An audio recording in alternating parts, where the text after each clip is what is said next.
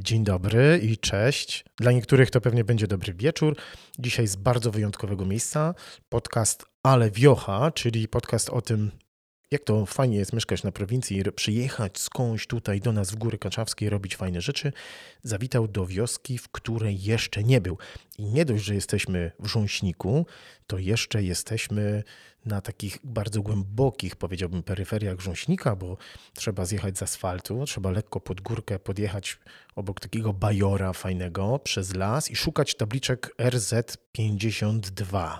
I tak. potem jeszcze dalej, i potem w lewo, i jeszcze potem w prawo, i tam stoi taki cudowny dom, kiedyś przysłupowy, i w tym domu mieszka nasza dzisiejsza gościni, Bogusia, Bogusława.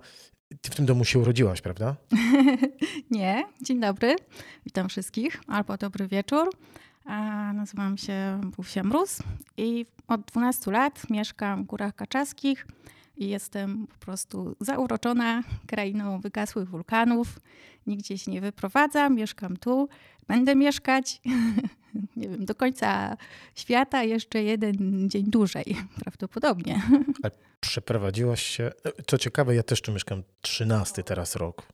Był grudzień, 15 grudnia 2010. A powiedz mi, to skąd ty tu przyjechałaś? Ja wiem, z jakiegoś centrum Warszawy, na pewno. Nie, Uciekłaś nie. z miasta. Ja jestem z Podkarpacia. A skąd Prawie z Bieszczad, ale e, tak, to jest byłe województwo krośnieńskie. A, czy nie wiem, czy kojarzysz tam okolice Jasło, Krosno. Kojarzę. Ale generalnie się wychowałam w miejscowości, w małym miasteczku Jedlicze, rafineria Jedlicze. Nie byłem. Więc y, tak, czasami jakieś oleje na stacjach można znaleźć, smary z tej to i rafinerii. Nie, I nie czytam tam, gdzie to, nie sorry, czytasz, ale nie, może, to ale tak. to zacznę czytać w takim razie. Dobrze, dobrze. tak.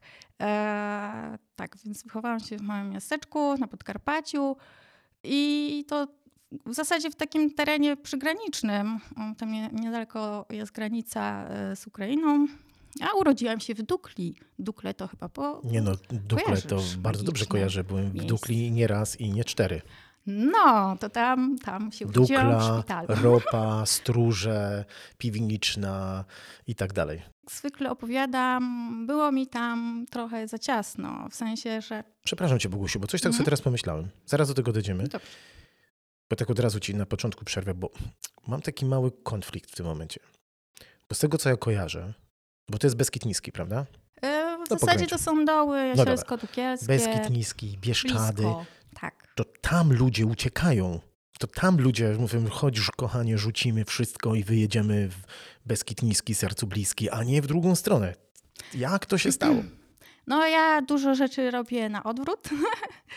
Jakoś nie, nie trzymam się jakiś mód i robię dużo rzeczy po swojemu, więc... Um, tak, więc y, po prostu był, e, był e, taki czas, e, że byłam na tej ścianie zachodniej i, i tak tu się zadomowiłam, no bo też trochę w Lubuskim mieszkałam i też w Gerlitz, tam przy Zgorzalcu, w Europasztat.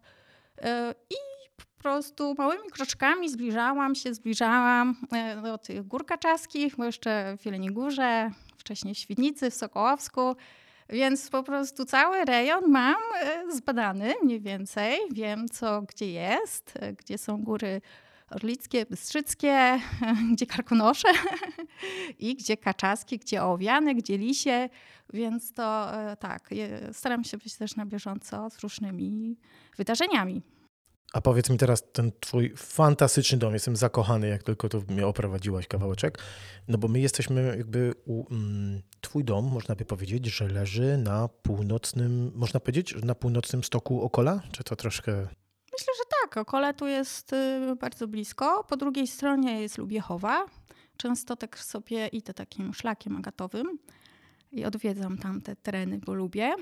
Mm, więc tak, tu o, wreszcie, tak myślałam, że tak bardziej może poetycko możemy powiedzieć, u podnóża Okola. Tyle masz na Pogórzu Kaczawskim, co w Górach Kaczawskich. Dokładnie, Cudownie. to są góry kaczawskie, bo ponieważ granica e, między górami a Po- Pogórzem przebiega tam, jak jechałeś na dole przy tym stawku. I tam jest taki strumień i właśnie e, jak pod górkę się tu już wjeżdża do mnie, to już jest, są prawdziwe geograficznie góry kaczawskie. Super. No i powiedz mi, no jak ty w ogóle znalazłaś ten dom? Szłaś sobie takim tutaj, nie wiem, E, szłaś wiesz przez co, łąki, to pola. taka jest e, długa historia dość i taki w zasadzie jakiś ciąg zdarzeń przyczynowo-skutkowych, których też e, są zwierzęta inne, psy na przykład. I, i, I są właśnie takie e, elementy tajemnicze. Tak, e, i po takim wstępie mm, to tak, to muszę przejść do konkretu. Nie, musisz już teraz Nie? tajemnicą. A, już zostać tajemnicą. To za A. tajemnica? Cóż, to, szukałaś skarbów po Nie, nie niemieckich przy pomocy A, psów. Więc y, tak, to było jakoś 12 lat temu y, i a, razem z moim byłym partnerem rozglądaliśmy się za starym domem, a że te, teren właśnie Karkonoszy, gdzieś właśnie takich jakichś miejsc typowo turystycznych jest oblegany, a my chcieliśmy takie jakieś ustronne miejsce, żeby, mm, żeby założyć właśnie jakąś agroturystykę i, i żyć z tego miejsca, więc no, to pole manewru też trochę się ograniczało.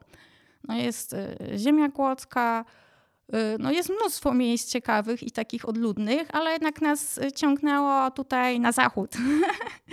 tak, więc no, ten dziki zachód.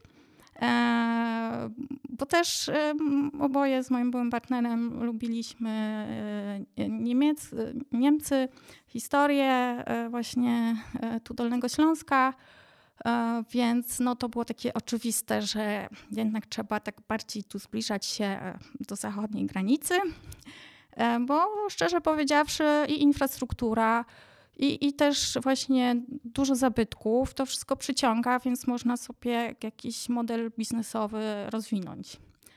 Tak, tak jak już wspomniałam, to było jakiś y, czas temu, więc y, tych y, domów starych było dużo, dość, w różnym stanie. No i tak rozglądaliśmy się, w sumie dość szybko to poszło. Ten dom nam wpadł dwa razy w oko. Najpierw się pojawił w takim stanie, takim, że tak powiem. Surową po niemieckim, jak to, to, Dokładnie, tak? dokładnie. Czyli, czyli jakieś tynki, taki typu baranek, czyli taki szary y, tynk. Um, wszystko zakryte. My też nie mieliśmy pojęcia o starych domach. Przepraszam, ten szachulec, który tutaj jest na górze, na ścianach, czy ta, może nie tyle szachulec, co ta cała konstrukcja szkieletowa, to to było zamalowane, otynkowane, tego nie było widać, tak? E, Dokładnie, dokładnie, więc tego nie było widać. Yy, I także nie mieliśmy pojęcia, co się kryje pod tym tynkiem. E, W dachu była jakaś dziura, ten dom trochę tam e, w narożniku tam osiadał, no ale nie był w e, aż takim kiepskim stanie. Tylko, że tak jak już mówiłeś, to taki trochę koniec świata jest. E, I droga naprawdę w porównaniu z tym, co teraz, była fatalna. To była po prostu, nie było drogi, była rozjeżdżona łąka. Więc jeszcze popatrzyliśmy sobie mm, po działkach, że, że tam część przez las przebiega, część to jest jakaś gminna droga, ale do końca mm, nie było właśnie pewności, czy, e, czy to będzie wyremontowane, czy da się dojechać. I prawdę powiedziawszy, służyliśmy. Trochę żałuję, bo cena naprawdę była atrakcyjna. E, No raczej mogę tu zdradzić, że wtedy chyba 60 tysięcy. I to był dom, w którym można było mieszkać i remontować. No więc. Dzisiaj już nic tutaj nie kosztuje 60 tysięcy, prawda? I potem e, ktoś was ubiegł, tak? Tak, dokładnie. Ubiegła nas taka pani z Legnicy. Y, No i tak szukaliśmy sobie dalej tu w okolicy mm, tych domów, bo, bo, bo sporo, e, spory teren, więc sporo też, spory wybór był. E, Tych, ja to tak nazywam, ruderii, ruderii kaczaskich i innych. E, I, no ale na wiosnę ten dom nagle pojawił się z powrotem. Taki trochę odmieniony, taki posiniaczony. Przed domem e, hałda była śmieci, różnych wszelakich, kołdry, telewizory, wszystko na podwórku. Okna takie e, plastikowe, e, nieładne, e, bo wcześniej to były takie niemieckie, takie podwójne, dopasowane. Część okien w ogóle zamurowanych. No. Z Iporexem, jak widziałem. Tak, dokładnie. E, tak, jeszcze najśmieszniej, że to od frontu też były za, zamurowane. Bo szczerze powiedziawszy, ta poprzednia właścicielka no, bała się, że ktoś ją będzie podglądał z lasu. W sensie te sarny, dziki, jelenie, no to tak ten... Można się przestraszyć, jak taki zwierzę e, spojrzy przez okno, prawda? No tak, zwłaszcza jak ktoś poczyta na przykład film sobie Pokot obejrzy, a o. na przykład coś zbroił. No, dokładnie. Na przykład przeciwko naturze. Na przykład wywiózł wczoraj dwa worki gruzu do lasu i potem rano wychodzi z kawką, rozpuszczalką, a tu wychodzą z lasu dwa jelenie i patrzą. Właśnie, czyli jak się ma nieczyste sumienie, no to, to faktycznie trzeba murować okna, y, jakieś ogrodzenie szczelne, najlepiej jest jakiś prefabrykatów betonowych i odgradzać się od, od wszystkiego, całego świata. I wtedy będziemy bezpieczni. W miarę. No jeszcze drony, no więc od góry też. No, bunkier jest chyba najbardziej idealny. No tak, ale twój dom jest daleki od bunkra, prawda? E, tak, aczkolwiek mam swój prywatny bunkier, jak ci pokazywałam, bo mam piwniczkę, którą bardzo lubię. Piwniczka jest zrobiona z kamienia polnego. E, ma kopułę taką, mm, ma taką właśnie kopułę, w sensie takie, taki łuk jest, tak? E, I jest okno, i to takie okno właśnie jest e, takie e, głęboko osadzone, i wtedy widziałeś w tej piwnicy widać, jakie ten dom ma grube ściany. No tak, bo to musicie. Mm, my teraz jedziemy w. My teraz jesteśmy w stajni. Tak, tak? w takim stajni, mieszkaniu gospodarczym. Ale jesteśmy też, ta stajnia, o czym za chwilę porozmawiamy, y, przez ciebie została przerobiona na pewną bardzo fajną pracownię. Tutaj dookoła nas jest, y, oprócz tego, że akurat przysiadł mi się na kolana, super fajny kot, kotka? Kto Kocur. Kocur. No, Tym czas. Widzisz. E, mamy tutaj mnóstwo wikliny, ale o wiklinie to porozmawiamy za bardzo. Jak ja tu dzisiaj zajechałem, to chciałem, no, Widzę, że fantastycznie odgarnięty skuty tynk. Widać e, miecze, czyli widać, że dół był domem przysłupowym. Jakieś tu bardzo fajne podwórko. Grusza. Opowiesz mi o tej gruszy. Co to za przepiękna grusza jest? E, to jest bardzo ciekawa historia, bo e, ja mam taką przypadłość, że jak czegoś nie wiem, to wnikam, dowiaduję się i tak po prostu mogę tam w nieskończoność różne rzeczy badać i podążać za różnymi wątkami. I to jest taka dzika grusza, ulęgałka tak zwana. A ulęgałka to dlatego, że e, ma bardzo małe owoce, takie małe gruszki, jest ich dużo, są żółte. E, I właśnie ostatnio z koleżanką odkryłam, znaczy koleżanka mi uświadomiła, że sobie mogę z tych gruszek robić octy. Więc y, nawet sobie zrobiłam ocet na spróbowanie. Mój tato mnie przekonywał, tak. żeby uczył mnie jeść te ulęgałki, ale nigdy się nie nauczyłem przez ten taki specyficzny miąższ. Mm, no, dokładnie, dokładnie. Więc to są specyficzne owoce, ale po uleżeniu w sensie, dlatego jest ulęgałka, jeżeli spadną i tam po prostu chwilę jeszcze dojrzeją e, na trawie e, na ziemi, to one są całkiem smaczne. Ja często robiłam kompoty Y, i, i, i gdzieś dodawałam też do ciast właśnie, do jabłek, e, więc no po prostu zawsze obfitość tych owoców. E, a nawet taka ciekawostka, bo kiedyś tak stwierdziłam, że szkoda, że tyle się marnuje, no to dam ogłoszenie w internecie, że, że jak ktoś chce, to wyślę tam paczką łatem i właśnie przez to też zawiązałam fajne znajomości i normalnie zapakowałam te gruszki y, i jeszcze jakieś jabłko od siebie i wysłałam. A pamiętasz dokąd? Chyba do Warszawy. Proszę bardzo, kaczawskie ulęgałki pojechały do Warszawy. No. Y, polecamy, żeby w takim razie ludzie z Warszawy nie czekali na paczkomat, tylko mogą przyjechać, prawda? Ale zaraz. Dokładnie. Bo ja słyszałem, że ta gruszka, to ona nie do końca jest twoja a nie, teraz już moja. Ale, Ale na początku... był taki moment. Tak. E, tak, tak. E, na początku to tu z granicami tej działki przy domu, no to takie trochę to było wszystko trochę nielogiczne, bo w zasadzie e, tak by się wydawało, że wszystkie te łąki, pastwiska z jednej strony przynależały do tego gospodarstwa. I pierwotnie tak było, tylko w czasach komuny właśnie właściciel jakiś miał podobno zatargi z władzą. Tak otrzymałam taką wiadomość od byłych właścicieli, że nie płacił podatków czy coś w tym stylu i mu pozostałą ziemię odebrali. No więc niestety, jak kupowaliśmy ten budynek, no to tylko działka była taka dziwna z takim jakimś jednym e, końcem zaostrzonym i nie dość, że nie wiadomo było, czy ta grusza jest na tej działce, czy nie, no to miała no małą powierzchnię, tam 20 arów. No ale przyszedł sąsiad i opowiedział ci o tym, że ta gruszka to jest, proszę pani... Nie, nie, sąsiad tak do końca też nie był pewny, bo nie było pomiarów geodezyjnych, więc e, nie był pewny, czy to czy to jest e, na jego, e, bo prawdopodobnie było pół na pół. Ale taki zaaferowany się pojawił i tak właśnie mówił, że, że ma kupca na tą gruszę, w sensie na drewno, żeby ją ściąć. I po prostu byliśmy zszokowani, bo ta grusza ma myślę tak około 100 lat, jest w super stanie i jest po prostu piękna. Więc powiedzieliśmy, że absolutnie nie. To bardzo się zdziwił, że taka okazja, a my tutaj nie ten. No i też pewnie trudno było się dogadać, które pół jest wasze. Czy tak w no poprzek no to pół, czy wzdłuż to pół. Jak to ściąć tą gruszę w takim razie? E, tak, a tu właśnie e, odnośnie rzęśnika chciałam wspomnieć, że tu jest y, bardzo dużo sadów. Y, raczej było, bo niestety proces degradacji i rzezi niestety postępuje, ale w krajobrazie na szczęście są jeszcze widoczne stare grusze, aleje grusz, y, jabłoni, czereśni.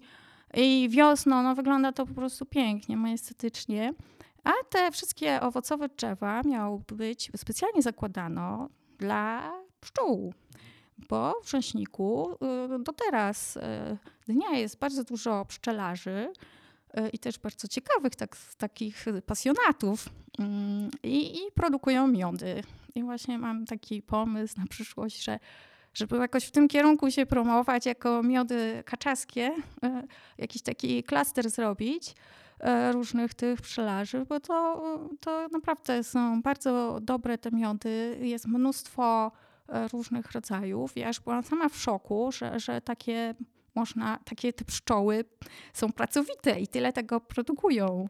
E, tym bardziej, że tak się składa, że góry i po górze przez ostatnie kilka lat to na pewno. E, jakoś chwilowo jest taka moda na rzepak, mnóstwo tego rzepaku. Czy obok mnie, na przykład obok mojego domu przez już przez ostatnie 10 lat, to powiem z dwa razy na pewno całe pole sąsiad zasiał facelią specjalnie pod pszczoły. Także Powiedz mi, mm, te wszystkie dzbanuszki, to wszystko to jest ten cały twój dom, który jest pełen, ja tu już się przeszedłem. Przychodzi się, na płocie wiszą trzy dzbanki, y, kubeczki emaliowane. Skąd to wszystko jest? A, z różnych y, miejsc, bo ja jestem typem zbieracza. Kolekcjonera znaczy. Przepraszam, tak, kolekcjonera, tak. może to tak bardziej brzmi lepiej. E, tak, kolekcjonuję różne rzeczy, też stare pocztówki. Zobacz, tu jest pocztówka tej kolonii, bo właśnie nie powiedziałeś e, na początku, bo może nie wiesz, że to jest kolonia, kolonia Orzechowice.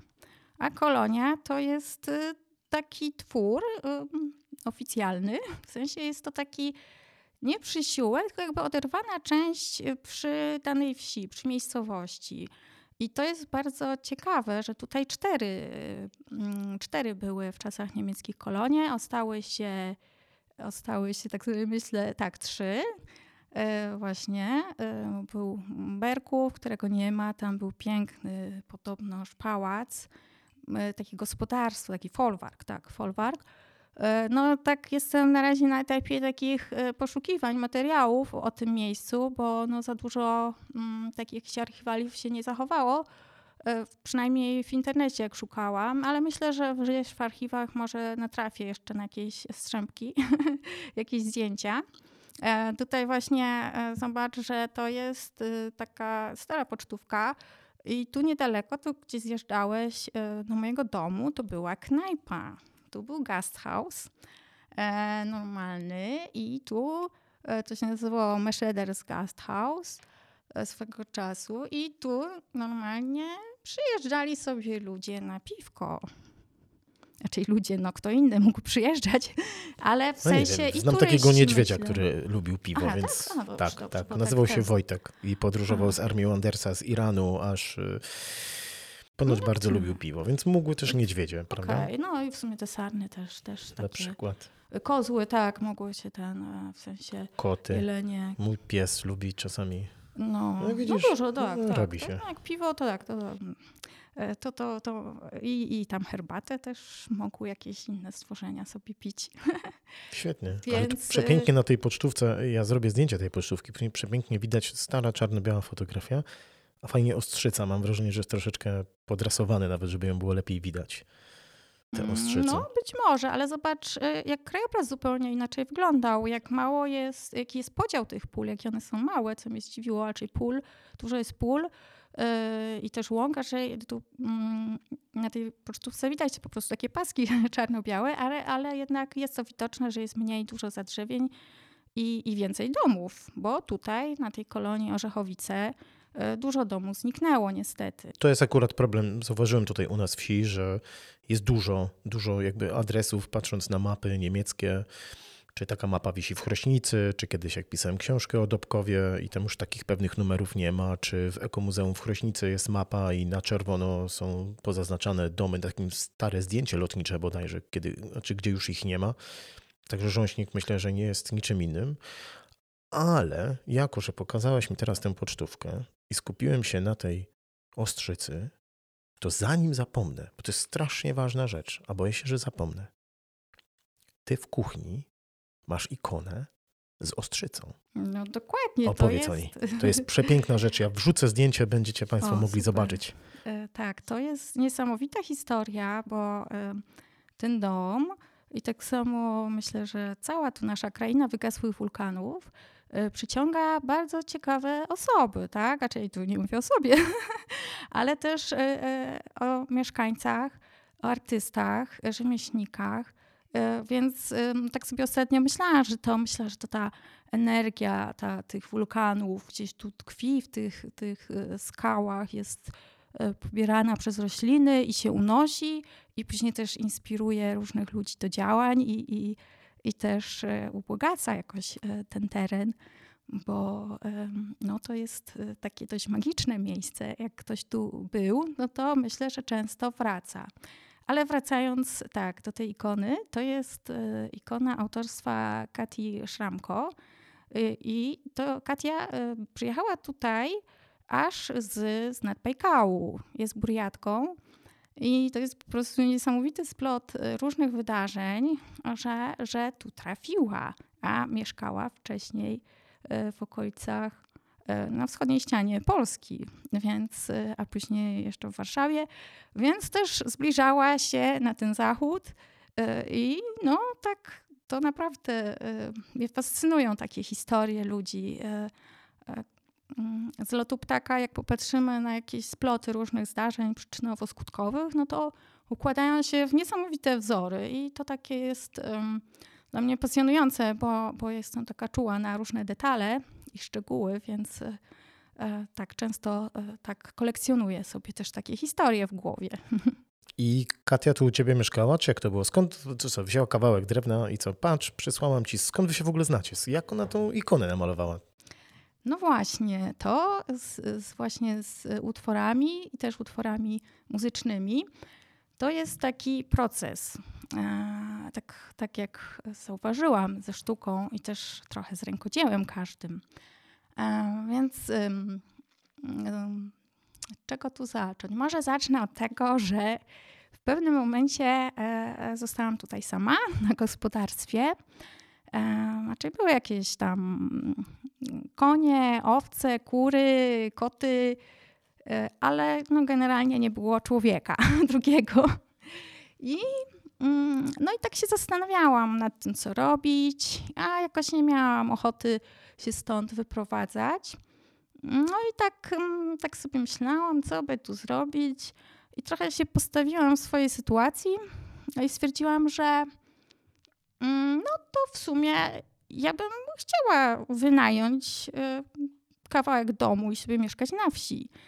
A tak to człowiek taki zwykły z miasta zwłaszcza y, ma dwa wyjścia. Albo kupić stary dom i remontować, albo się wybudować, tak? Przy czym to wybudowanie jest szybsze i tańsze.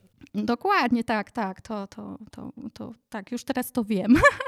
Znaczy ten motyw, y, ten motyw właśnie, to aż do znudzenia się powtarza y, we wszystkich opowieściach i to też w naszych podcastowych, że ktokolwiek właśnie ruszył za ten dom, no to to już, już wszyscy wiemy, że łatwiej było zburzyć, wybudować nowy, ale chodzi też o duszę, prawda? O chodzi- ducha, może nie tyle o duszę, o ducha tego domu, ale wracamy do Kati. No. Postanowiłaś część domu wynająć, Tak, i dałam ogłoszenie w internet, rzuciłam gdzieś tam w sieć, e, że, że wynajmę pół domu z dostępem do kuchni. I a to ważne przecież. no tak, i łazienki. O, nie, naprawdę? Dobrze. A Tak. jeszcze też dostęp do internetu? No tak, A, i- dokładnie, wszystkie wygody. I ciepła woda, i prąd. Raz w tygodniu ciepła woda, czy tak na bieżąco? Nie na bieżąco, aczkolwiek y, no, zasięg tu jest dość słaby. Ale, ale tak, można pracować też zdalnie, ale no, no tak, to, to trzeba mieć y, też taką pracę specyficzną. Ale wracając tutaj y, do tego ogłoszenia, mm, i tak w sumie mm, to było, pamiętam, jakiś tam czerwiec. Ja przez lato chciałam trochę podremontować tą część. I później, e, I później właśnie ten wynajem mieć tego lokatora czy lokatorkę od y, powiedzmy tam września, października na jesień i zimę. No i tak trochę tak w sumie nic się nie działo. Ja tak do końca nie wierzyłam, że tam ktoś się zdecyduje, no bo to takie trochę szalone może trochę. e, tak i, i no było parę telefonów, ale nie rokowały tak za bardzo. No i w pewnym momencie, pamiętam jak dziś, e, zadzwonił właśnie taki mężczyzna z pięknym głosem. No i, i chciał obejrzeć to miejsce, zainteresowany bardzo. E, Więc ja najpierw, e, znaczy no oczywiście się tam zgodziłam, tylko no ustaliliśmy jakiś termin. I później się okazało, że- że to jest Henry Nouhary artysta dość znany w takim może wąskim, wąskim kręgu, ale generalnie e, powiedzmy artysta z wielkiego świata. Gitarzysta, muzyk, Tak, piosenkarz. I się tu pojawił. Jak trochę grom z jasnego nieba. I szybko jakoś zawiązaliśmy nić, e, między nami zawiązała się nić sympatii. I, I on, i ja się zdecydowałam, że, że, że tak, że, że, że tu zamieszka, wprowadzi się. Mm, Miałam motywację, żeby tam podremontować część e, za pomocą ekipy, oczywiście. Deadline'y są zawsze najlepsze, prawda? Tak to by się ciągnęło, tak to przyjeżdża gość, przyjeżdża klient, ciach, łazienka gotowa. E, Tak, dokładnie. No, więc jest ten Henry O'Hary. E, Tutaj jak osoby nie znają angielskiego, to może tu wspomnijmy, że, że tu chodzi taka trochę gra słów, że jest e, Henry niespieszący się, czyli tak bardziej no Harry, ale z drugiej strony to no Harry, w sensie Harry, Harry to też jest imię. Więc jest to dość e, takie zabawne połączenie i, i, i dowcipne.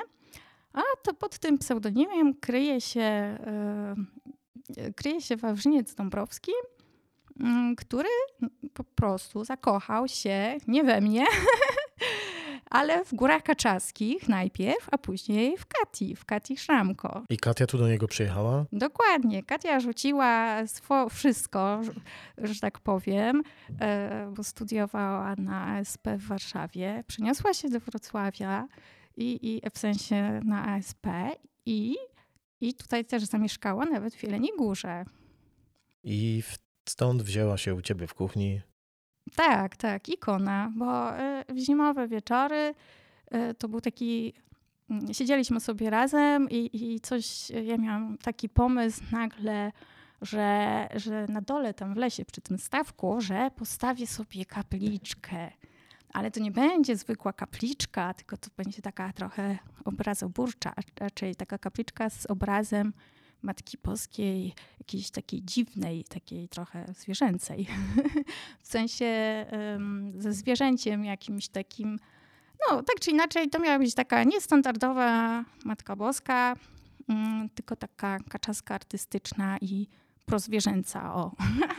Bo jestem wegetarianką i jestem taka e, dość czuła na, na, na dobrostan zwierząt i, i tak, więc staram się też więc ty się nie boisz, jak wychodzą jelenie i patrzą ci w okno, to ty się nie boisz. No, dokładnie, tak, to dokładnie. Nawet y, kiedyś spałam w lesie i tam dziki sobie przechodziły i nawet mieliśmy fajną pogawędkę, opowiadały o życiu, dzieciach i tam... Przyszły warchlaki, mamo, mamo, popatrz, tam pani jakaś leży. I przyszli no. do ciebie, tak? Coś tak, do jedzenia tak. ci przynieśli? No przynieśli, przynieśli jakąś kawę z żołędzi. No posiedzieliśmy, po, pogadaliśmy, no super było.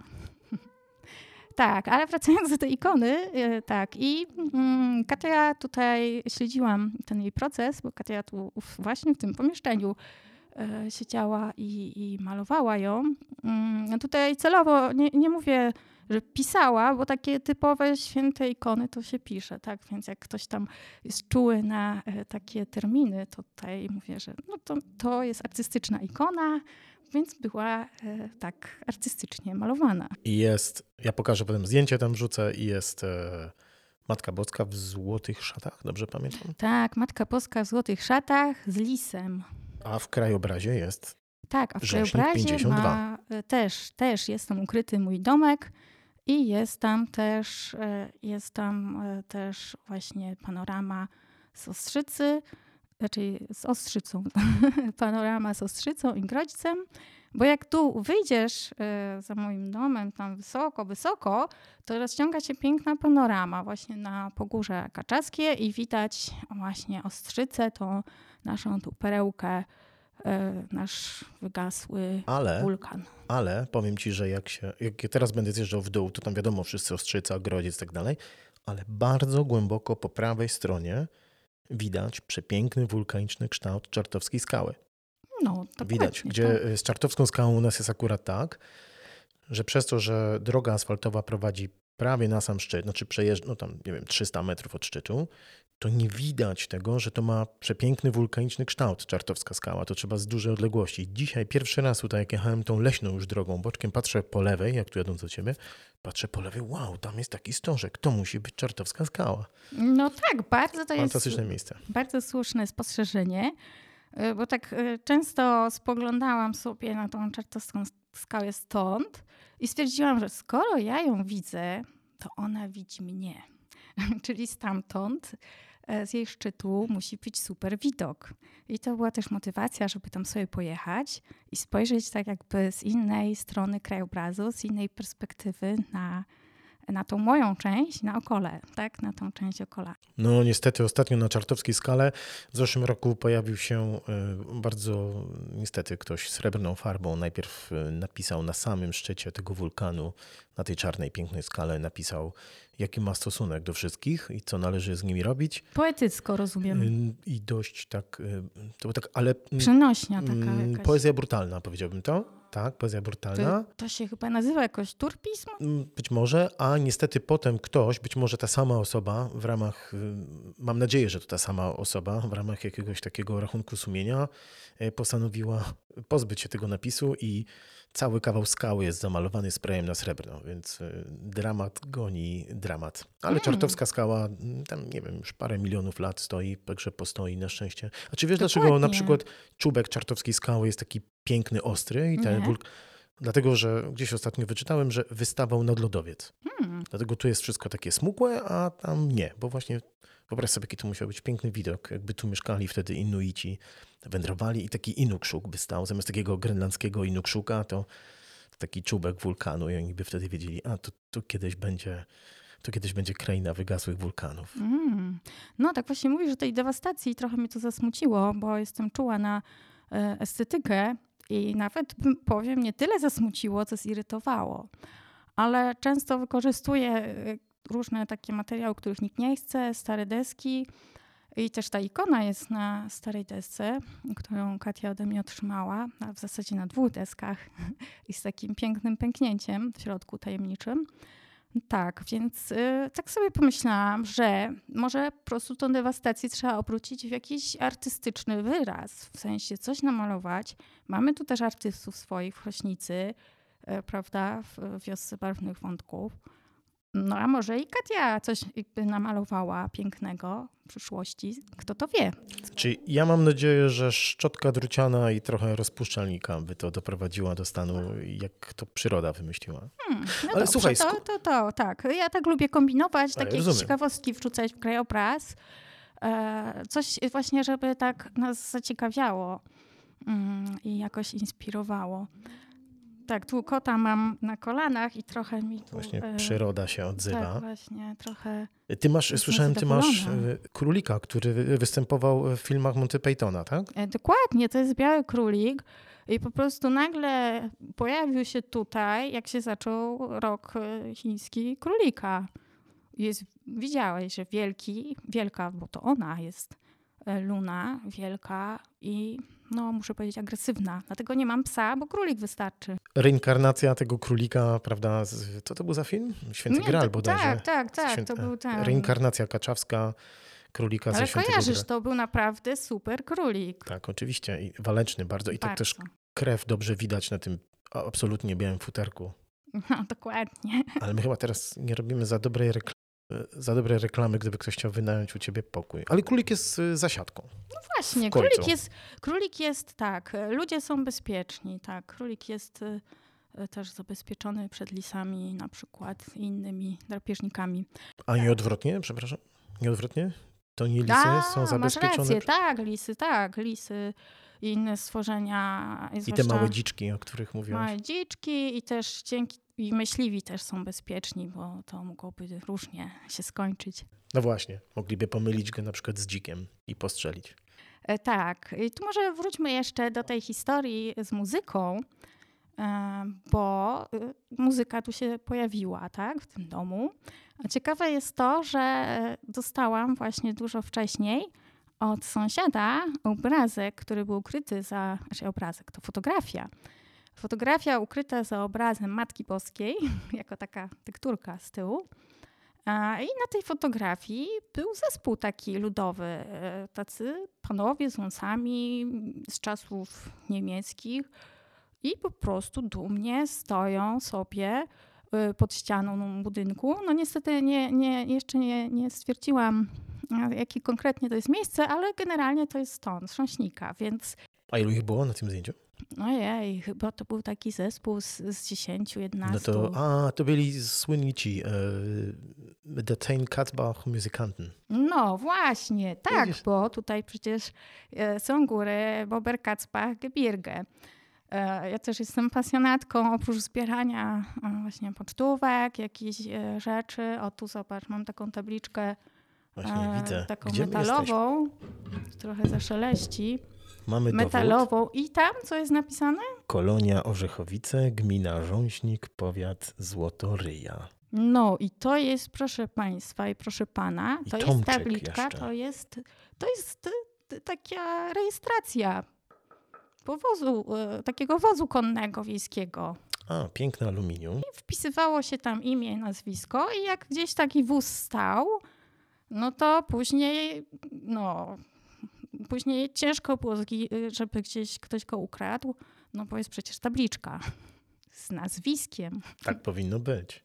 Powiedz mi, tutaj do ciebie można y, wpaść sobie i przyjechać bez wynajmowania pokoju, prawda? Bo jest coś tak, próbuję nas tak skupić tutaj, że my już teraz zamieszkałaś, zamieszkaliście w kilka, mieliście taką, mogę powiedzieć, y, to się teraz tak ładnie mówi, rodzinę międzygatunkową, tak? Tak. Był pies. Nie myślałam, że mówisz o, o właśnie też moim byłym Tak, tak, lokatorze. tak, tak. A czy w ogóle, że byliście tu, tak, że byliście, tu były Mhm. zwierzaki, byliście No wy, e, potem zostałaś jakby ty z częścią tych zwierzaków, zaczęłaś ten dom dalej doprowadzać do fantastycznego stanu. Jestem naprawdę bez żadnej tutaj kokieterii, jestem zakochany w, tam na górze te pokoje. Cudownie to wygląda, Dziękuję. ja bardzo lubię połączenie bo to jest przepięknie wyczyszczone to drewno, fajnie zalejowane, to jest wszystko takie naturalne, do tego te czarne, metalowe okucia. To jest absolutnie moja estetyka. Jakby polecam rząśnik. To jest rząśnik 52 czy Tak. RZ52? No Jak właśnie, cię znaleźć w ogóle? em, bo to jest też taka dość zabawna historia, e, że najpierw pierwotnie, na początku, e, to miejsce nazywało się Neustechow, bo ta kolonia Orzechowice po niemiecku nazywała się Neustechow.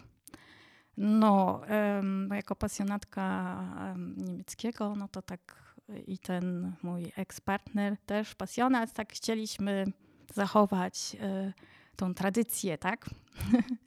no ale mm, jednak nie każdy lubi niemiecki, co odkryłam ze zgrozą. Mi się wydaje, że to po prostu wina tych okropnych germanistek, które tam gnębią te dzieciaki, bo niemiecki jest przecież taki piękny, prawda?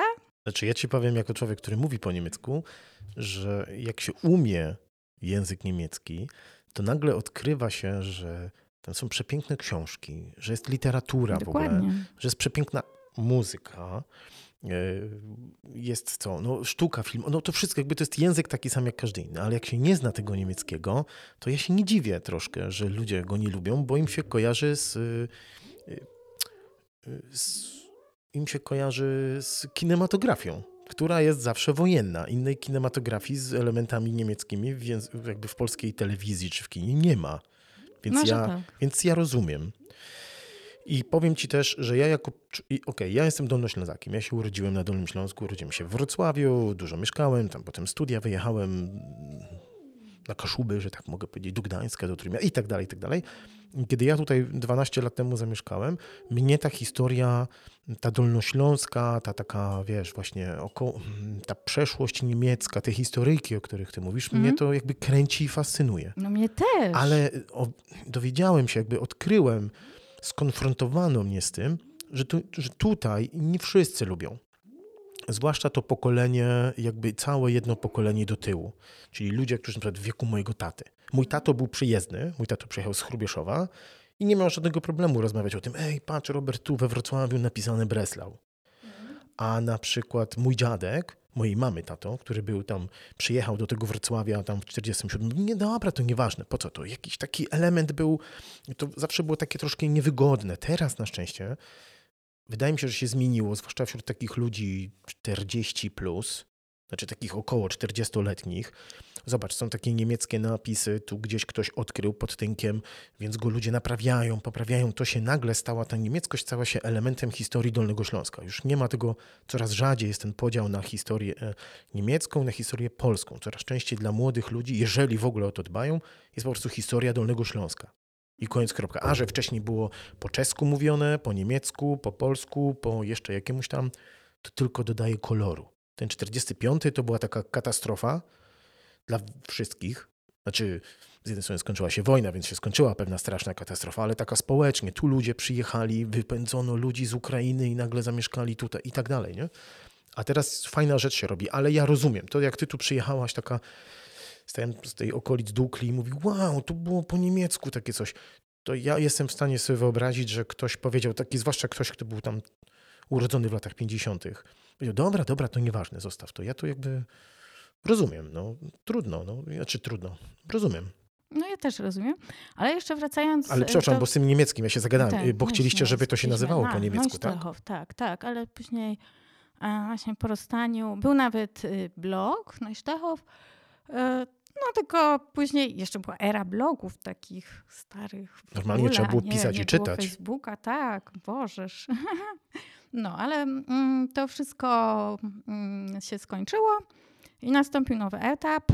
Mm, I pierwsze nazwałam to miejsce Orzechowice 52. No, bo tak jakoś nie, nie, nie, nie miałam mm, jakiejś weny, żeby coś bardziej e, wyszukanego e, sobie e, wymyśleć. E, później właśnie pojawił się Henry Nouhary. No i on bardzo, bardzo mnie namawiał usilnie, że, bo miałam wtedy owce, e, cztery, raczej dwa baranki i dwie, dwie dziewczynki. I bardzo mnie namawiał, żebym nazwała to miejsce Filifionka i owce. Okej. Czyli Idziemy w muminki. No właśnie, a ja tak, ja, ja lubię wnikać właśnie w różne historie, takie też prawne i przepisy i tak trochę się zaczęłam zastanawiać, czy to takie sobie można tak po prostu takie nazwy gdzieś wykorzystywać. Znaczy, przepraszam, on widział w tobie Filifionkę? Chyba tak. Wiesz co, teraz jak to przyznać. powiedziałaś, to tak w sumie mała mi to nie. Jest. Mała mi to czasem jestem z charakteru. Ale, tak. ale to każdy jest czasami mało mi, ale nie, tak faktycznie. Filifionka myślę, że. No tak, tylko się okazuje, że to jest nazwa zastrzeżona i sorry. No i Filipionka to przecież ona była taka też specyficzna, bo ona wszędzie widziała katastrofy. I ja też trochę mm, tak mam takie podejście, że tak trochę z nieufnością e, spoglądam w to niebo, czy nagle e, jakaś burza się nie zjawi, jakiś grom z jasnego nieba. No ale mm, to są takie, e, tak, póki co obawy mm, płonne. Więc i powstał ten. Y, chciałem zapytać się, bo jak ciebie się szuka, czyli, czyli powstał Rząśnik 52, i tak jakby ktoś chciał sobie poszukać no na przykład na Facebooku. RZ, właśnie, właśnie. Czyli Ż52. Ż, Ż52. I powiedz mi przy okazji, bo my tu siedzimy w tej byłej stajni, jak taki ktoś skądś tam nie ma ochoty przyjechać i w Ż52 zamieszkać, to po co ten ktoś miałby przyjechać do Bogusławy? Co tu takiego fajnego można zrobić. No właśnie, Co to nas wszystkich no właśnie, otacza? tu nie chodzi tylko, że to będzie, co tak docelowo będzie takie miejsce z noclegiem, w sensie już teraz można, będzie latem, ale e, jak ktoś nie chce, nie chce mm, tutaj nocować, to będzie, to może sobie spróbować plecenia z sensem czyli plecenia z wikliny, e, czyli inaczej może po prostu zapoznać się z zawodem koszykarz, plecionkarz, bo to jest, e, tak się nazywa zawód oficjalnie, więc nie ten koszykarz od piłki, tylko koszykarz od koszyków. I można sobie przyjechać i zrobić taki yy, razem, znaczy pod Twoim okiem można zrobić koszyk na jajka na przykład. Można, znaczy no, można sobie popleść. Generalnie zrobienie koszyka, tak jak e, wszystkie rzeczy ręcznie robione, wymagają czasu. E, a ja wiem, że to też wymaga takiego skupienia, więc e, te moje warsztaty, które prowadzę tutaj, są pomyślane, że taki jest wstęp. Więc tak trochę oszukuję, prawdę powiedziawszy. I koszyki, które, które tutaj uczestnicy sobie wyplatają, mają gotowe denko, takie drewniane. Więc e, tak jak e, tutaj zobacz, masz, masz e, takie wyplecione denko i stojące takie stojące osnowy, czyli takie stojące proste pionowe witki, to wokół nich się oplata i, i to jest szybciej. I zwykle powstają no, takie no, na wysokość, no różnie, tam powiedzmy 20, no tak, około 20 centymetrów wysokości. Tak, ale dla mnie to jest niesamowite i to kocham w rękodziele, że y, każdy, każdemu wyjdzie co innego. Każdy jakąś ma inną koncepcję, albo po prostu ta wiklina mu się inaczej układa y, w dłoniach i, i wychodzi po prostu coś, coś, coś niesamowitego, artystycznego. Tak, y, i, i to, to mnie bardzo mm, pociąga e, właśnie e, w tym rzemiośle że, że można różne rzeczy stworzyć. Tak, i to wydaje mi się, że jak ludzie sobie wyplotą e, e, taką rzecz, to oni wtedy dopiero widzą, jakie to jest pracochłonne i, i że to nie jest jakieś, jakaś taka z fabryki, taki z fabryki produkt, tylko to wychodzi spod rąk i, i w tym jest energia i serce i wtedy też ludzie bardziej doceniają i myślę, że są też bardziej skłonni e, do kupowania, e, do kupowania takich wyrobów od rękodzielników. I też nagle ta cena dla nich też ma sens nagle, prawda? No dokładnie, dokładnie, bo to, to naprawdę, żeby e, zrobić taki ładny, duży, grzybowy koszyk, no to fakt, że tak jakiś e, mm, plecionkarz, który tak jest jakimś mistrzem, no to zrobi w godzinę. No ale powiedzmy, że tak średnio, no to tam z 3 godziny, a osoba początkująca, no to z 8 godzin e, potrzebuje, żeby wypleść sobie taki koszyk. Twoje warsztaty nie trwają 8 godzin. E, no nie, ale docelowo tak myślę, ale gdyby ktoś taką chciał, ofertę. Gdyby ktoś chciał mówić, dzień dobry Pani Bogusiu, my tu byśmy chcieli z koleżanką sobie zrobić taki kosz właśnie grzybowy od początku do końca i my byśmy na te 8 godzin chciały przyjechać, to to jest wszystko do zorganizowania. Mm, dokładnie. A dokładnie. takie typowe warsztaty, jak to wygląda? Wygląda tak, że pojawiają się ludzie. Sami? Znaczy to przychodzą z lasu? Nie, tak, nie, nie. na szczęście ten, e, tak. e, To już już pierwszy taki etap sprawdzenia, bo jak ktoś to dotrze, no to już aż się ludzie są z siebie dumni, że, że, że po prostu nie zgubili się, więc, więc mają z tego, myślę, też taką radość, jakaś przygoda jest. Tak, więc e, ja, ja na początku warsztatów mam taki krótki wstęp, opowiadam o wiklinie, bo wiklina to jest po prostu gałąz, to są gałązki wierzby i po prostu dla niektórych to jest szokiem, tak, że jak to, to jest wierzba? Bo myślę, że to jest jakaś tajemnicza roślina, egzotyczna, więc po prostu zapomnieliśmy trochę e, e, korzystać też z tych lokalnych produktów. No, I ja na przykład z, przez wiele lat myliłem e, z sitowiem na przykład. o. No bo to ma taki sam kształt, tylko kolor super ciemnozielony. No tak, więc mm, opowiadam o tej wiklinie, o tych gałązkach e, wierzby, że są e, właśnie z korą, bez kory. Pokazuję właśnie, tak jak tu widzisz, e, są jasne, ciemne, z korą, bez kory, są też farbowane. Jest, o tam w kącie, zobacz, taka biała, to jest wiklina moczarkowana, taka tajemnicza. I no, generalnie no, materiał jest piękny. Ale wy nie zbieracie tego razem, to już jest gotowe. E, Tak, tak, bo to jest taka wiklina koszykarska e, z plantacji, z takich upraw. E, Właśnie mam taką cichą nadzieję, że, że, że być może tu jacyś plantatorzy się jakoś pojawią i będą sadzić tą wierzbę, bo wierzba może po prostu rosnąć w różnych warunkach. Tak, i taka wierzba typowa do wyplatania to jest taka odmiana amerykanka. E, I to jest taka ciekawa historia, bo są też e, dzikie gatunki wierzb. Jest e, ich chyba z, z, z 25 rodzimych, e, jeszcze jakieś obce są gatunki, więc z tych rodzimych też można jak najbardziej wyplatać, tylko musimy sobie szukać gałązek takich prostych, bo żeby wyplatać, no ten materiał musi być ładny, prosty, równy, niepokrzywiony, żeby em, można było wykorzystać. Przyjeżdża się do ciebie, najpierw trzeba do ciebie zadzwonić, trzeba się umówić, trzeba, y, trzeba wykazać się zdolnością, żeby tu dotrzeć, co ma swoje plusy i minusy, bo znowu tutaj jest jakby nie to, że przepięknie, ale mm, no, nie chodzi mi o słowo bezpiecznie, bo to, to nie o to chodzi, ale jesteście w takiej enklawie, odcięci naprawdę od cywilizacji. Tu kawałeczek dalej jest sąsiad, a tu jest tylko widok na, na tą gruszę, o której rozmawialiśmy, na stawik, na góry i tak dalej. Opowiadasz im na początku o wiklinie i bierzecie się do pracy. Tak, bierzemy się do pracy. Tu jeszcze może powiem, em, bo jak e, ktoś chce wyklatać, wyplatać e, sobie z tej takiej typowej wikliny bez kory, czy tej białej, no to e, trzeba ją wcześniej przygotować. Więc ja zwykle już mam e, tą wiklinę zamoczoną. Ona po prostu tam, zobacz, tam masz taką wannę, która e, ocynkową, wannę ocynk, starą, po niemiecku. I w tej wannie moczę wiklinę mm, i ta wiklina uzyskuje wtedy elastyczność i nie pęka przy, przy zaplataniu, więc to jest podstawowa rzecz. E, No, ja o wiklinie naprawdę mnóstwo bym mogła opowiadać, ale to myślę, że może następnym razem.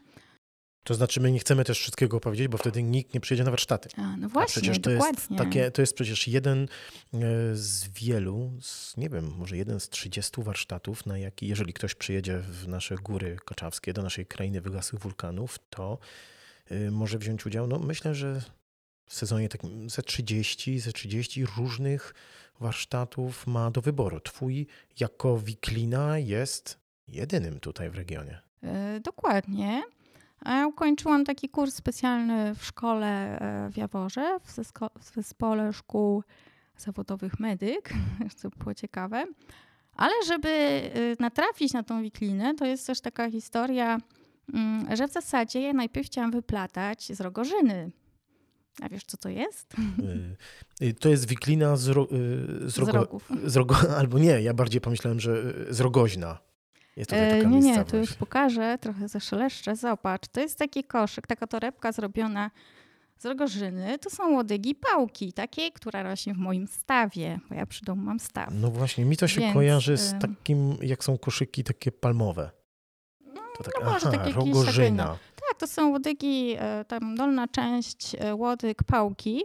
I to jeszcze na wschodzie właśnie e, są rękodzielnicy, którzy wyplatają z tego materiału.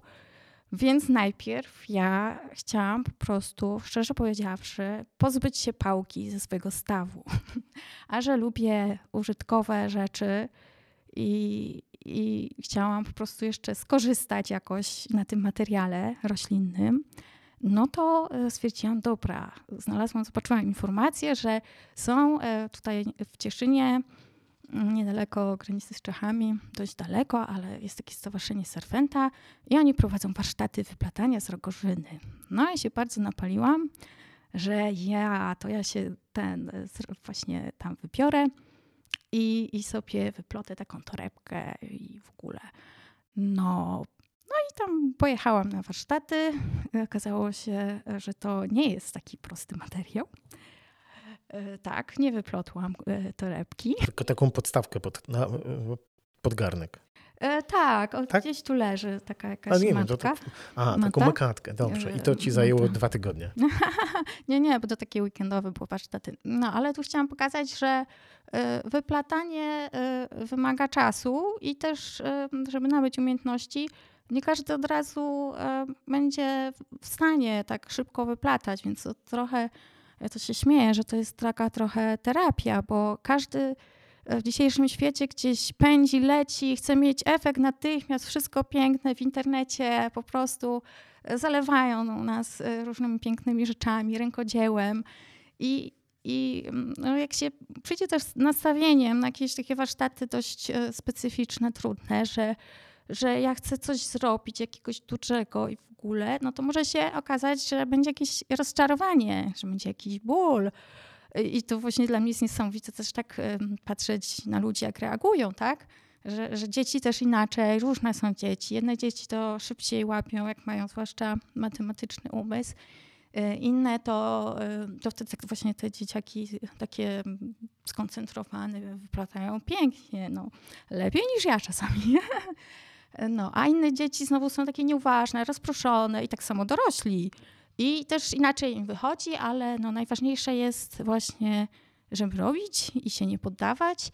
E, I, I, najważniejsze jest podejście, żeby mieć e, do siebie zrozumienie, cierpliwość taką.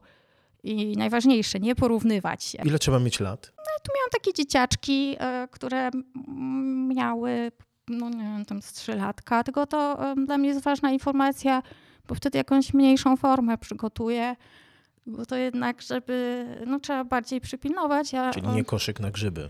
No nie. Na przykład, rozumiem. Ale jakby ktoś bardzo chciał, no to bym przygotowała w jakimś po prostu, poplotła tak, że, że żeby już coś tam było e, prawie skończone. O, tak. Rozumiem. Czyli generalnie, kiedy e, do ciebie przyjeżdża się żeby czegoś doświadczyć, żeby poznać y, też może swoją własną cierpliwość. Tak. Podejście do tego natychmiastowego efektu. To nie są warsztaty Insta, prawda? Że nie, za dwie godziny wychodzimy już, i wszystko, prawda? I dalej lecimy. Czyli tu bardziej chodzi o takie doświadczenie w, z wikliną, w wiklinie, w RZ50. Ze sobą też. Właśnie, rozumiem. I to taki warsztat trwa ile? No średnio tak trzy godziny. Trzy godziny. Tak. Trzy godziny, herbatka. Tak, rozmowy. ciasteczko, ciasto też czasem Śpiewacie tam, tam to jak, nie, tak jak, ale jak nie, przy darciu pierza, nie? często jest tak, że ludzie są tak skupieni, że nie chcą przerwy robić, nie chcą w ogóle tylko ciastka zjeść,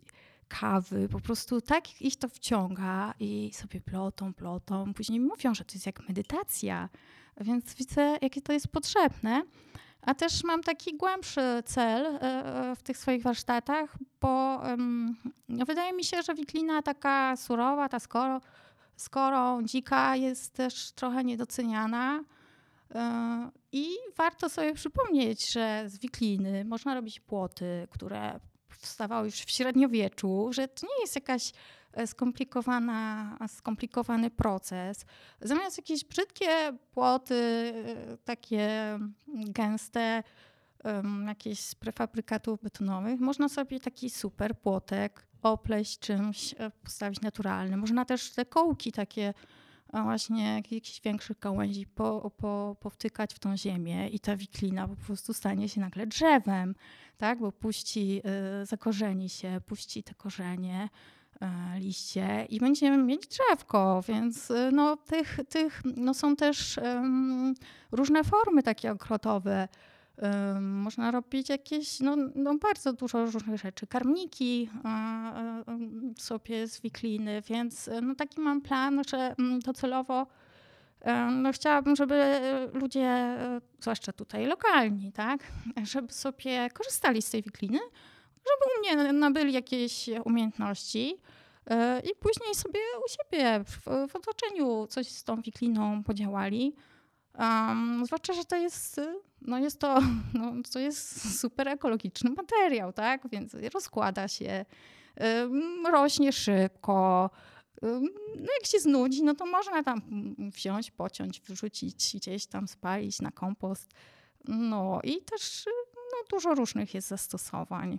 My kiedyś z moją córcią, chyba za dwa lata temu, z wikliny takiej po prostu ścinaliśmy wierzbę przydomową, taką płaczącą, piękne, długie tam gałęzie i mm, Pola wymyśliła, żeby zrobić szałas. O, tak. I ja tam super. powbijałem te gałęzie, związałem na środku, a potem na boki przeplataliśmy. I no i z szałasu na koniec wyszedł, wyszła nam taka klatka na kury, bym powiedział, bo to przecież też przecież kiedyś z wikliny robiono, prawda? Takie mm, no tak. klatkę tam na zwierzaki i na ten. Zresztą byłem w takich paru miejscach na świecie, gdzie to dalej się robi. Znaczy, no, to jest po prostu mega niesamowite, jak kiedyś tych koszyków, rodzajów koszyków było mnóstwo. I były tak jak mówisz, na kury, na jajka. E, na, na chleb przecież. Na, na chleb też, Jakby tak. Tam, gdzie ten chleb, tak. to się tak ładnie nazywa. Oj, to nie. Tak, jak chleb tak leży i już wyrasta w koszyku. Patrzę, zapomniałem, to ma specjalną nazwę. Y, garowanie, o, garowanie to się nazywa właśnie. tak, więc ym, i jakie jeszcze były? No, no, Ty masz ciekawe. na sobie dzisiaj ty na sobie mm. masz przecież wiklinę. E, nie. Nie? nie, to jest ratan, czyli Dobrze. taki e, egzotyczny materiał. To jest, są takie specjalne palmy w Azji i, i to właśnie jest taki miękki materiał, dlatego, bo mam e, koszyczki takie na uszach, kolczyki, koszyczki. I um, tak, to z wikliny to mogło być ciężko, chociaż kiedyś Ale patrz, jeszcze przecież te, no najważniejsze przecież chyba, cały czas w polskiej kulturze, choćby jak zapomnieliśmy wiklinę i w ogóle jakby... Mm. Y, oprócz grzybiarzy, no super, tam no wiadomo, tak. że ludzie chodzą z koszami, tam z wiadrami, mają wiadro czy beczkę po farbie, ale taki koszyk, no to przecież wielkanocny koszyczek, prawda? No bez tego chyba jeszcze się w Polsce nie da. Myślę, że myślę, że nikt nie wpadł na pomysł jakiś straszny, żeby zastąpić wiklinowy koszyczek na Wielkanoc czymś jeszcze, ale może się Jest coś strasznego, to właśnie prawdziwi plecionkarze nie mogą na to patrzeć. Nie dość, że właśnie jakieś e, z plastiku koszyczki, to tak zwana wiklina papierowa. To po prostu jakby mój mentor jak mój mentor, y, mistrz plecionkarski Rafał Górczyński to słyszy, to po prostu absolutnie to jest karygodne. tak trochę się śmieję, żeby to tak nazywać. Ale generalnie no, chodzi o samą ideę, że, że, że jak można i z papieru sobie wyplatać, prawda? Więc y, tak jak wcześniej też rozmawialiśmy, no z brzozy, z tego sitowia, tak, co tu jeszcze było. No i tu właśnie egzotyczne materiały, tak, bambus, ten e, ratan. Pałki. Pa tak, pałki. to raczej nie egzotyczne, tylko nasz. Trawa. Tak, o strawy, o ze słomy, przecież zapomniałam Proszę o słomie. Bardzo, buty, Byłam tru, też trupięgi na, przecież. Byłam właśnie ostatnio na warsztatach wyplatania ze słomy. Trupięg? Nie, tam A wyplotłabyś mi trupięgi? Ja bym Co chciał. są trupięgi? To nie wiesz, co to są trupięgi? No nie mam pojęcia. No zaraz. Maturę z polskiego zdawałaś?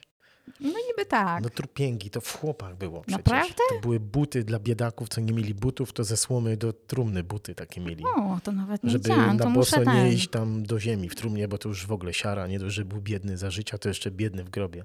Trupięgi, tak. Ale tak. to tak mi się właśnie przypomniało, że w zasadzie to ja miałam też e, swego czasu taki e, pomysł, e, może w jakimś stopniu kiedyś wrócę, żeby robić wiklinowe trumny. No cóż, zatrzymam cię tutaj. Drodzy Państwo, minęła nam godzina. Wspomnieliśmy trochę o Twoim domu, wspomnieliśmy trochę skąd tu się wzięłaś. Najważniejsze dla mnie akurat to, co wniosłaś tutaj, obydwoje powiedzielibyśmy już po tych kilkunastu latach w nasze góry kaczawskie, prawda? W naszą krainę wygasłych wulkanów. Tak, plany w większości, a takie plany realne, więcej tych warsztatów pewnie, czy coś jeszcze takiego oprócz tych trumien?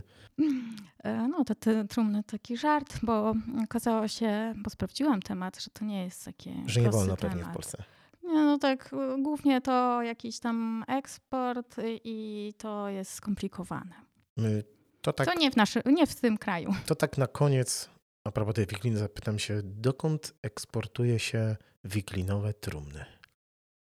Raczej w sensie, że są kraje, które produkują, na przykład Wielka Brytania. E, I podobno w Polsce też był jakiś taki krótki boom, tylko że to są bardzo duże rzeczy i, i też dużo wychodzi materiału i tak trochę się nie opłaca robić takich rzeczy, mimo że ten. No i pamiętajmy, że prawdopodobnie jak jest dobrze to wszystko fajnie zrobione, to ona urośnie. Znaczy w sensie puści korzenie, listki i tak nie, dalej. no tak. Całkiem bo tu- możliwe. Teraz o tym pomyślałem. No jak Moi drodzy. z tej zielonej, to tak, tak. Moi drodzy, e, dzisiaj naszą gościnią była Bogusia. E, Byliśmy w RZ52, czyli w Rząśniku 52. Jeżeli ktoś e, bardzo chciałby przyjechać, jeżeli będzie w okolicy, a ta okolica to przecież Wrocław, to jest tylko godzina i 20 minut, no może godzina i 30 do ciebie. Wystarczy w Google wpisać RZ52 i na pewno znajdzie, ale wcześniej, jak ciebie wcześniej znaleźć? Jak do ciebie zadzwonić, napisać, zarezerwować? Mówi pani Bogusiu, my tu z koleżankami w pięć dziewczyn przyjedziemy. Chciałybyśmy sobie popleść, bo my lubimy pleść, ale chciałybyśmy popleść z sensem i zrobić coś sobie. Jak cię znaleźć? E, To myślę, że najlepiej przez stronę kaczawskiej sieci współpracy, czyli E, Kaczawska sieć.pl, ale też można oczywiście na fejsie RZ52. Tak, dokładnie, RZ52. E, I też e, może jakbyś mógł wrzucić tam pod koniec tego podcastu. Oczywiście, że- oczywiście. linki. Oczywiście, że ja, moi drodzy, my już będziemy kończyć. Ja jeszcze idę na spacer, zobaczyć tutaj, popatrzeć na Czartowską skałę, zobaczyć ten staw historyczny, przytulić całą gruszę na szczęście ocaloną, całą ulęgałki już nie zostały żadne, bo jest luty, ale 12 stopni było, jak dzisiaj do ciebie tu jechałem. To co to za luty? Moi drodzy, to była Ale Wiocha, czyli podcast o tym, że Gdzieś tam na prowincji, we wsi mieszkają ludzie, którzy również robią fantastyczne rzeczy i zapraszają was do siebie, zarażają was swoją pasją, albo czysto, albo czysto fizycznie, do siebie na herbatę, do siebie na nocleg, do siebie na warsztaty. Dzisiaj była Wiklina, dzisiaj był Rząśnik 52, a co będzie następnym razem, to ja sam jeszcze nie wiem, bo mam takie wrażenie, że mm, jeżdżąc po tych górach kaczawskich tutaj i całym Pogórzu, to gdybym chciał z każdym nagrać audycję, to tak myślę, że za 3-4 lata skończę. Tylu fajnych ludzi robi tu fajne rzeczy. Przed wami była Bogusia, która nie uciekła w Bieszczady, tylko można powiedzieć uciekła z... I teraz słuchaj, z Bieszczad czy z Bieszczadów? O, z Bieszczad lub Bieszczadów. Podobno wszystkie formy, te dwie formy są poprawne. I gdy wydawało się, że podcast z Bogusią Mróz już się skończył, wyłączyłem mikrofon, zacząłem wszystko pakować i wtedy Bogusia zwróciła mi uwagę, że zapomniała coś jeszcze dograć, że jest coś strasznie ważnego, o czym jeszcze chciała powiedzieć. A mianowicie, moi drodzy, apel od mieszkańców Rząśnika. Okazało się, że 10 dni temu ktoś, nie będę używał wyrazów takich, jakich używają mieszkańcy, do, ktoś ukradł cudowne, przepiękne schody z piaskowca z budynku dawnej szkoły w Rząśniku. I to słuchajcie, to się wydarzyło w biały dzień. Dlaczego? Dlatego, że przyjechał ktoś koparką i ludzie myśleli, że to jakaś ekipa remontowa, a ktoś buchnął, ukradł Słuchajcie, schody z zabytku. I teraz apel. Okej, na prośbę Bogusi z Rzążnika, apel. Uwaga. Złodzieju, oddaj schody. Słyszeliście? Możecie podawać dalej. Jeszcze raz. Złodzieju schodów ze starej szkoły w Rząśniku zabytkowych, oddaj schody. To mówiłam ja w imieniu Bogusi, jako rząśniczanki i całej tej cudownej społeczności krainy wygasłych wulkanów. I teraz już naprawdę do usłyszenia.